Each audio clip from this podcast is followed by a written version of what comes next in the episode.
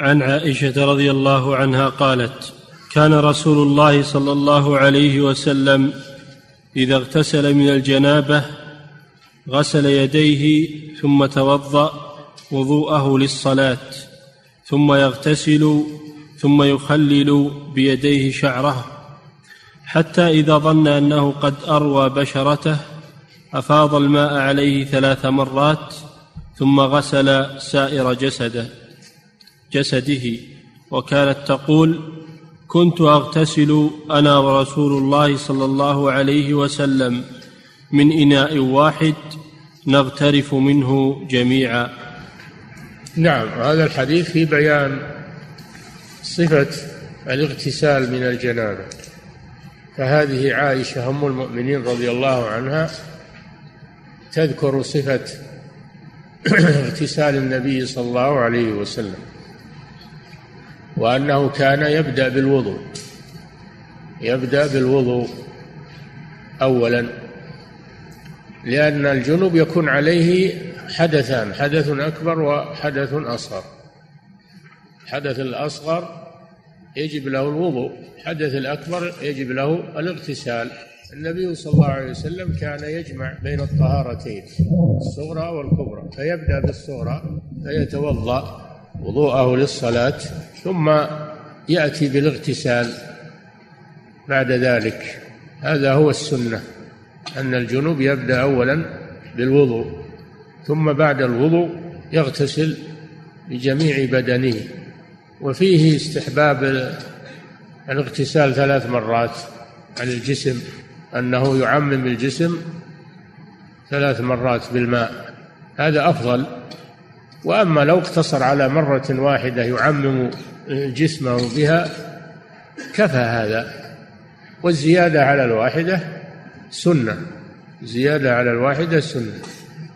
وفيه أن أنه لا بأس أن يغتسل الزوجان من إناء واحد وفي مكان واحد لأن الله أباح ما بينهما من نظر بعضهما إلى بعض. فلا حرج في في ذلك. وفيه أن أنه لا بأس أن يتوضأ الرجل بفضل طهور المرأة لأن النبي صلى الله عليه وسلم كان يغترف من الماء وتغترف منه عائشة. فلا ولا شك أنه أنهما يتعاقبان في ذلك لأن يغترف أحدهما أولا ثم يغترف الثاني بعده وهكذا.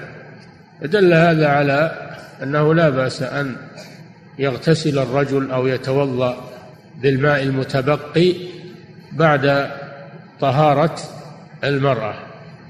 من الحدثين الأكبر والأصغر. وأما نهي النبي صلى الله عليه وسلم عن وضوء الرجل بفضل المرأة قالوا هذا حديث ضعيف سنده ضعيف. وإن صح فإنه محمول على بيان كراهة التنزيه. لا على التحريم.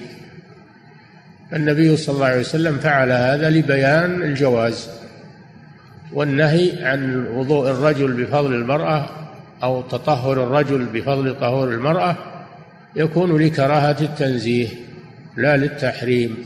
وفيه كمال خلقه صلى الله عليه وسلم وأنه كان يتبسط مع أهله ويعاشرهم ولا يتكبر ففيه كمال خلقه صلى الله عليه وسلم وحسن معاشرته مع أهله. نعم. أعد الحديث. عن عائشة رضي الله عنها قالت كان رسول الله صلى الله عليه وسلم إذا اغتسل من الجنابة غسل يديه ثم توضأ وضوءه للصلاة. غسل يديه. هذا الغسل غسل اليدين كما سبق في الوضوء أنه سنة. غسل الكفين قبل الوضوء وسنة وكذلك غسل الكفين قبل الاغتسال سنة. نعم. ثم يغتسل ثم يخلل بيديه شعره.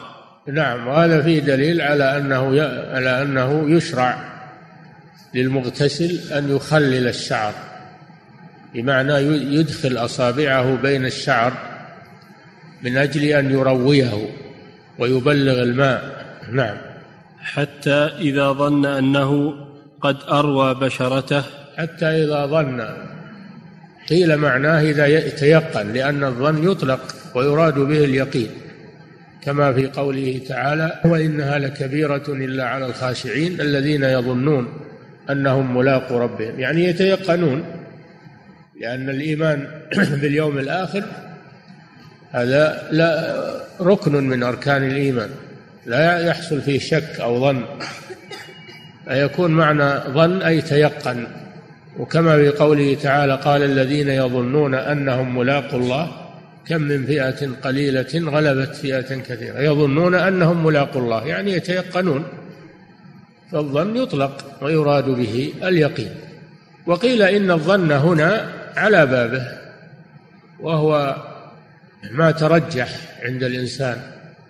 يكون عند الإنسان احتمالان أحدهما أرجح من الآخر المترجح هو الظن. فيكون على بابه يعني ظن يعني ترجح عنده أنه قد أروى.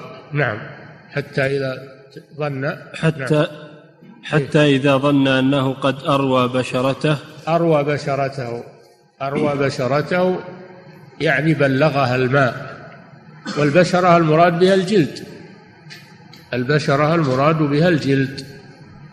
لأنه لا بد أن يجري الماء على الجلد ويوصل الماء إلى الجلد. نعم. أفاض الماء عليه ثلاث مرات. أفاض الماء يعني صبه. أفاض الماء على جسمه عليه الصلاة والسلام. ثلاث مرات يعمم جسمه في كل مرة. ففيه استحباب التثليث بالاغتسال نعم. ثم غسل سائر جسده. نعم. وكانت تقول كنت أغتسل أنا ورسول الله صلى الله عليه وسلم من إناء واحد نغترف منه جميعا. نعم. هذا كما سبق أنه لا بأس يغتسل الرجل وزوجته في مكان واحد وأن ينظر بعضهما إلى بعض لأن الله أباح ما بينهما و ولا بأس أن يغتسلا متعريين في المكان لأن الله أباح أحدهما للآخر.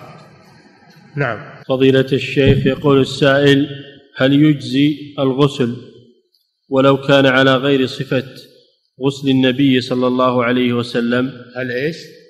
ولو كان على غير صفة غسله صلى الله عليه وسلم؟ إذا عمم بدنه بالماء بنية رفع الحدث فإنه يجزي على أي صفة كان.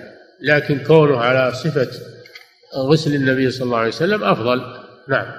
فضيلة الشيخ يقول أعلم أن هناك صفتان للغسل من الجنابة صفة واجبة وصفة كاملة.